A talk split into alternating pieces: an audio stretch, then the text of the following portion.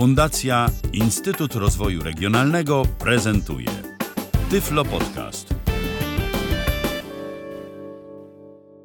Witam w kolejnym odcinku Tyflo Podcastu. Przed mikrofonem Kamil Kaczyński. To już 20 odcinek z moim udziałem, a ja przygotowałem dzisiaj dla Państwa kolejny polski magnetofon. Model produkowany, zdaje się, no, na pewno w drugiej połowie lat 80. Był to chyba 88 czy 89 rok, jakoś tak, wtedy, kiedy, kiedy pojawił się ten model w ofercie firmy Unitra, a dokładniej oddziału Unitry ZWM w Lubartowie, czyli zakłady wytwórcze magnetofonów, gdyż tam została znaczna część produkcji magnetofonów kasetowych, proszę Państwa, przeniesiona. Tak jak mamy na przykład szpulowe, produkowały przede wszystkim zakłady radiowe imienia Marcina Kasprzaka w Warszawie, tak zakłady wytwórcze magnetofonów w Lubartowie zaczęły produkować magnetofony i gdzieś nawet się doczytałem, że prawdopodobnie część z tej firmy jakby się tam do Lubartowa właśnie przeniosła. Powstała filia właśnie w Lubartowie, która zajęła się produkcją magnetofonów, e, proszę Państwa, kasetowych.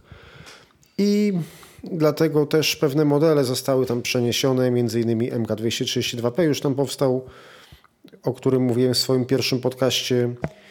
A my dzisiaj będziemy mówić o magnetofonie MK250. To był na pewno czysto polski produkt. Nie była to żadna licencja. Mechanizm też był z Lubartowa. Wzorniczo był to taki magnetofon płaski, czyli już właśnie tak jak były te magnetofony, najpierw, najpierw mieliśmy te płaskie MK125, MK122, które powstały, znaczy między innymi tam jeszcze było kilka innych, które powstały w 70 latach na licencji francuskiej firmy Thomson. Później na licencji firmy Grundig niemieckiej mieliśmy te, te takie walizkowe te wszystkie Grundigi, Kasprzaki, a tutaj z powrotem wrócono jakby do formy płaskiej. Nazwa tego magnetofonu dodatkowo jest Lelek. Ten magnetofon występował też w wersji MK450. Wizualnie był identyczny, tylko tyle, że był jeszcze do niego miał jeszcze budowany licznik i na pewno tamtego, ale możliwe, że tego też można było używać jako pamięć masowa do komputerów tamtych dawnych na kasety. No bo jak wiadomo, w dawnych czasach gry komputerowe były, proszę Państwa, na kasetach. I na pewno ten MK450 miał jeszcze jakieś dodatkowe wejście. Ja szczerze mówiąc nie pamiętam detali, bardzo przepraszam, ale jako raz w życiu widziałem tylko ten MK450 i to przez 15 minut. Mm, natomiast tym MK250 dysponowałem, znaczy akurat nie tym egzemplarzem, bo mój egzemplarz niestety nie ocalał. Potwornie, proszę Państwa, straszył. To znaczy straszył, no. Zwalniał strasznie, tak jak miał wciągnąć kasetę za chwilę. No i niestety też i wciągał, więc model nie był jakoś super udany moim zdaniem, ale niektórzy z tego co słyszałem nie skarżyli się na te magnetofony, więc widocznie no może mi się jakiś taki feralny trafił. Co jeszcze było śmieszne, to to, że kurczę, w dzień zakupu poszedł tak naprawdę do serwisu. Już tam nie pamiętam, co tam było uszkodzone, ale pamiętam, że tylko jeden był w sklepie na półce i, i nie działał. Nie pamiętam, czy w ogóle nie działał, czy poprawnie nie działał. No w każdym bądź razie pamiętam, że w moim jeszcze jak była gwarancja, trzeba było wymienić silnik. Ten magnetofon, tak jak Udało mi się go trafić. Na szczęście nie jest w złym stanie. No, czy się nic nie będzie działo, to tak naprawdę, proszę Państwa, zobaczymy, bo to nie jest Technics, to nie jest kurczę jakiś taki magnetofon, któremu można naprawdę zaufać. Praca mechanizmu jest kurczę już sama taka, jakby się miał za chwilę ten mechanizm rozpaść. Zaraz spróbuję to Państwu zademonstrować. Chyba właśnie zrobiłem tak, że otworzyłem klapkę wcześniej już, dlatego Państwo nie słyszeli teraz komorę kasety i zamiast kasety włożę tam zooma. Uwaga.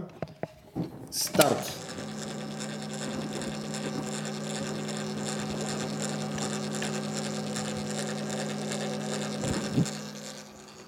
Zamykam.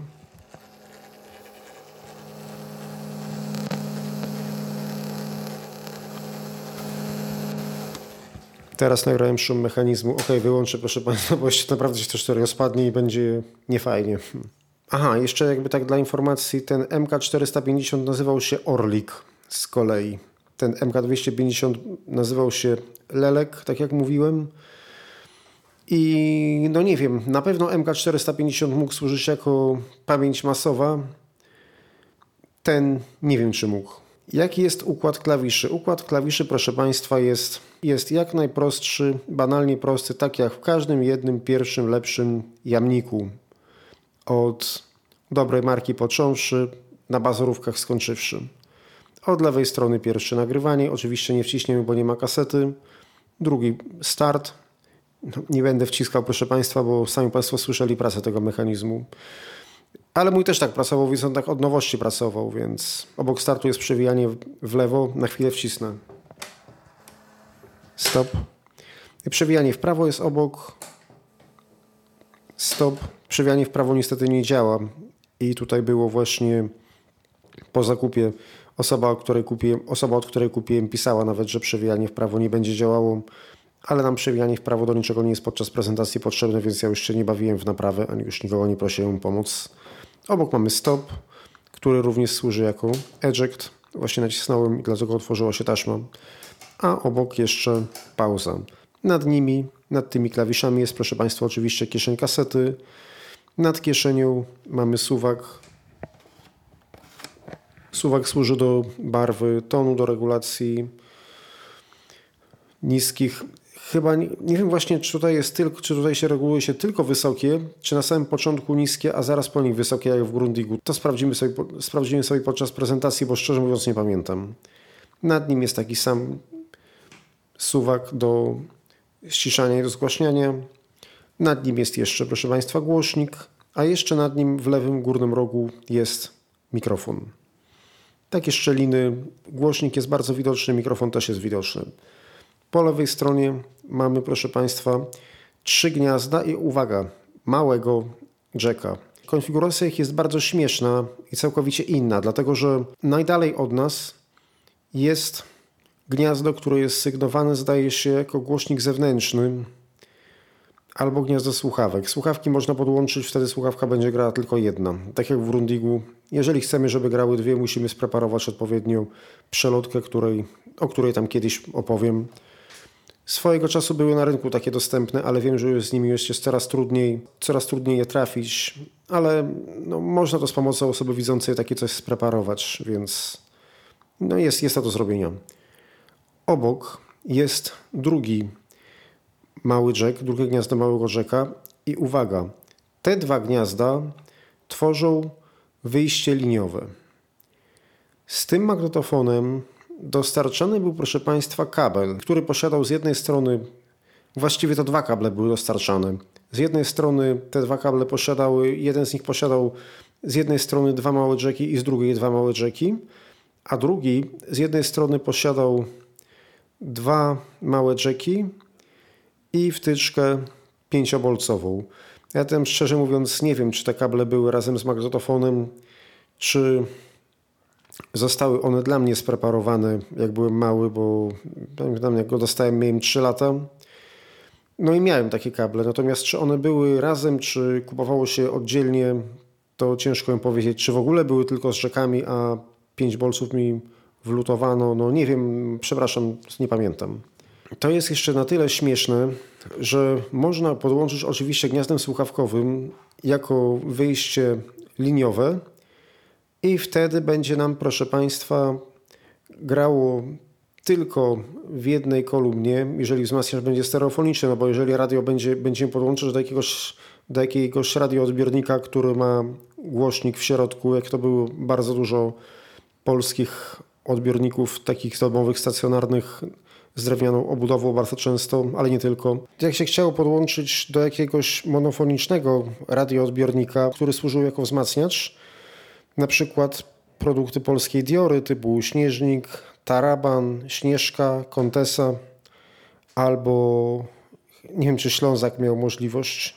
No w każdym razie było dużo takich radioodbiorników, które właśnie miały dwukierunkowe wejście, wyjście liniowe. DIN można było z radia nagrywać i przez radio odtwarzać mimo wszystko jakość dźwięku była trochę lepsza aniżeli w takim przenośnym magnetofonie. Także no tak Polacy znaczy no, kombinowało się w tamtych latach po prostu w ten sposób i tyle.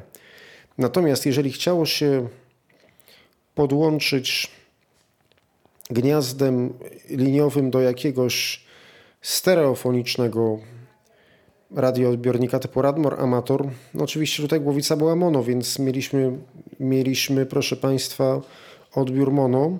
To trzeba było zaopatrzyć się właśnie w taki śmieszny kabel, żeby z jednej strony była wtyczka pięciobolcowa, a z drugiej, czyli DINu, a z drugiej dwa małe jacki.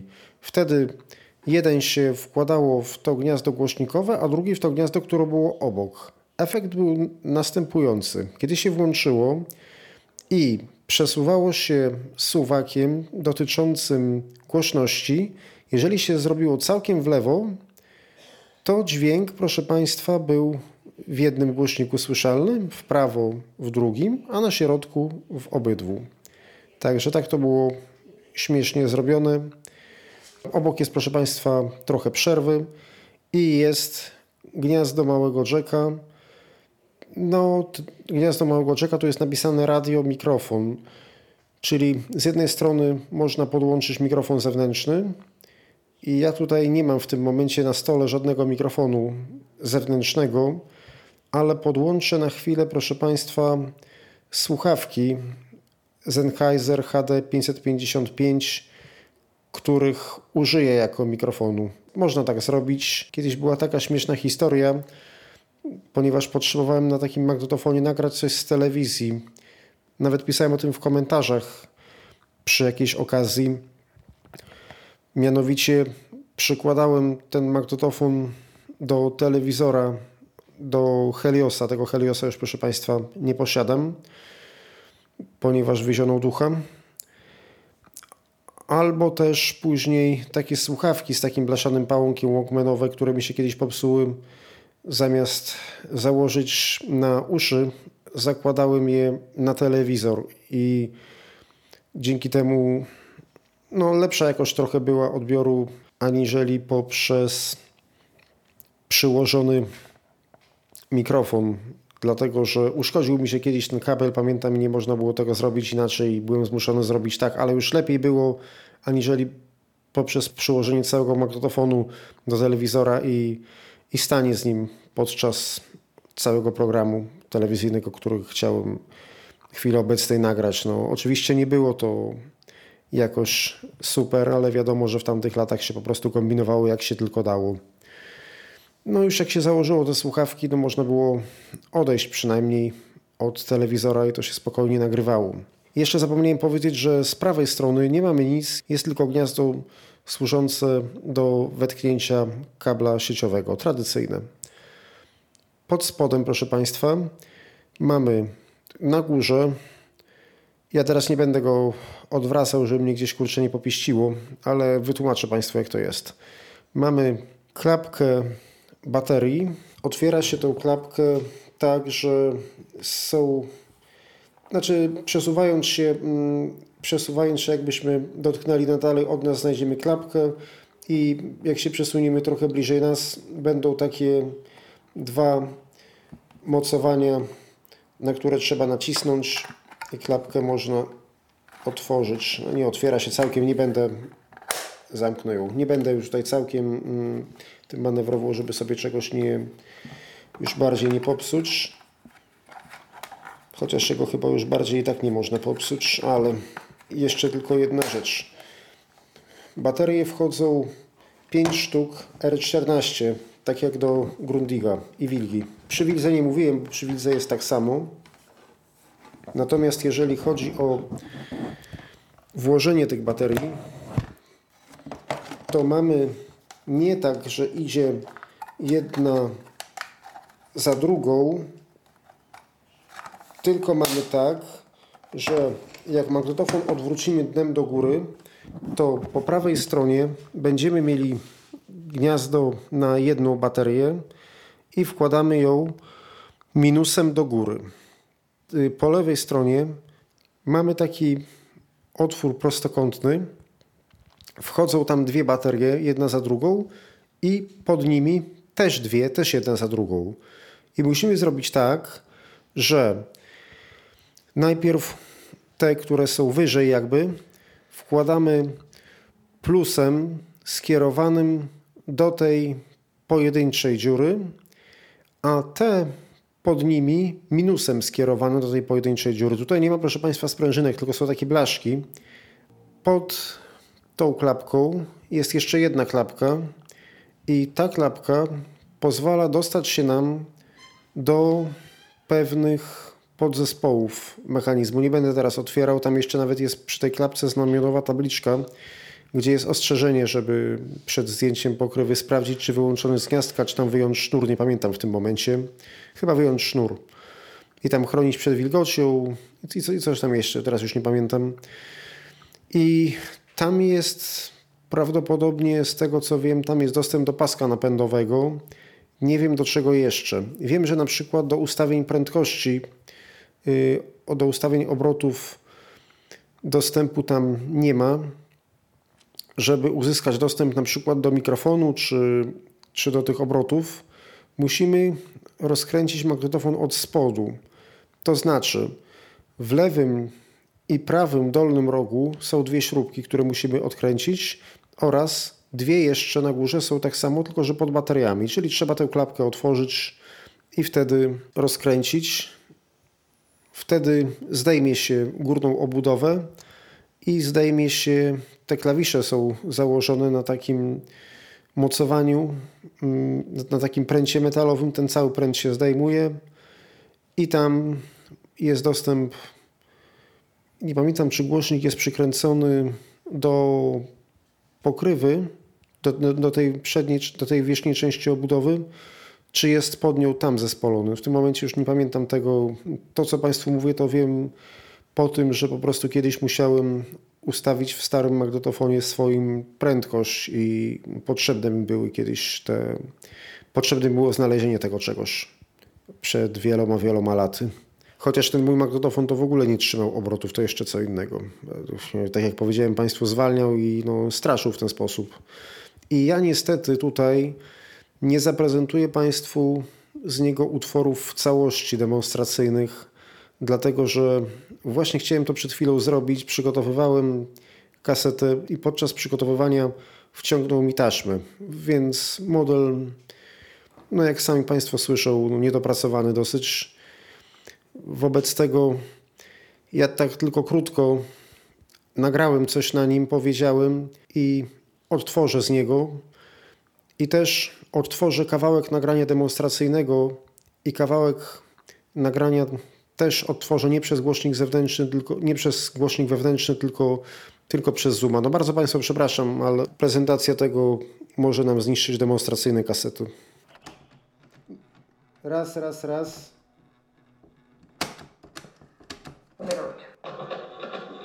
Raz, raz, raz.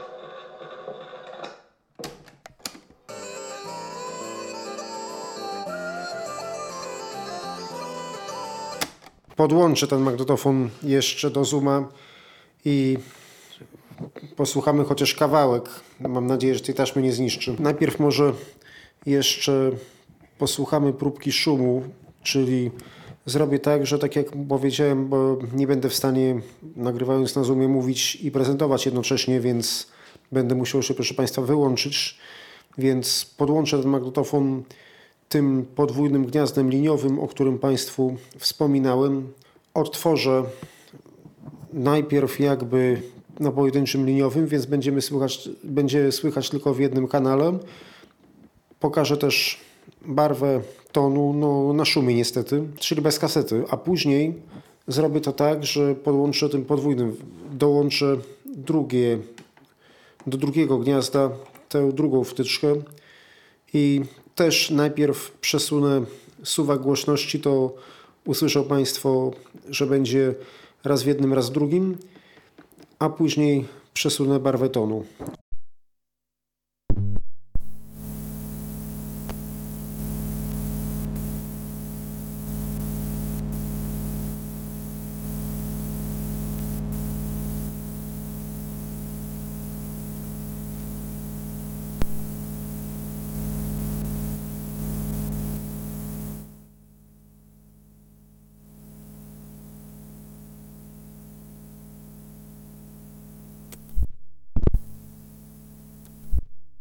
Nie to było, proszę Państwa, wciśnięcie przewijania. Jednak Państwa w błąd wprowadziłem. Jednak jest tak, że barwa tonu reaguje też podczas tego podwójnego liniowego. Dobrze, wobec tego chwila prawdy. Włączamy to, proszę Państwa. Ryzykuję i włączam fragment nagrania demonstracyjnego. No może nam, może mi tej kasety nie wciągnie.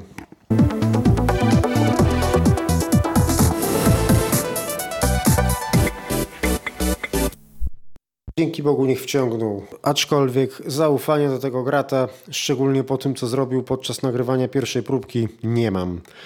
Myślałem, że posłuchamy w całości, ale no, przyznam się szczerze, boję się. I to jest niestety, proszę Państwa, tyle, ile mogę Państwu pokazać, bo to jest tyle, ile ja mogę temu sprzętowi niestety zaufać. Zapomniałem Państwu jeszcze wspomnieć, iż magnetofon ten posiadał w zestawie futerał. Nie pamiętam, jak ten futerał wyglądał. I jako, że posiadał ten futerał i można było prawdopodobnie go jakoś na pasku nawet nosić, można było użyć tego dyktafonu, że się tak wyrażę, jak, mm, jako taki prototyp dyktafonu. A ponadto jeszcze miał gniazdo mikrofonu zewnętrznego, więc tym bardziej można było w ten sposób ten magnetofon tak wykorzystać.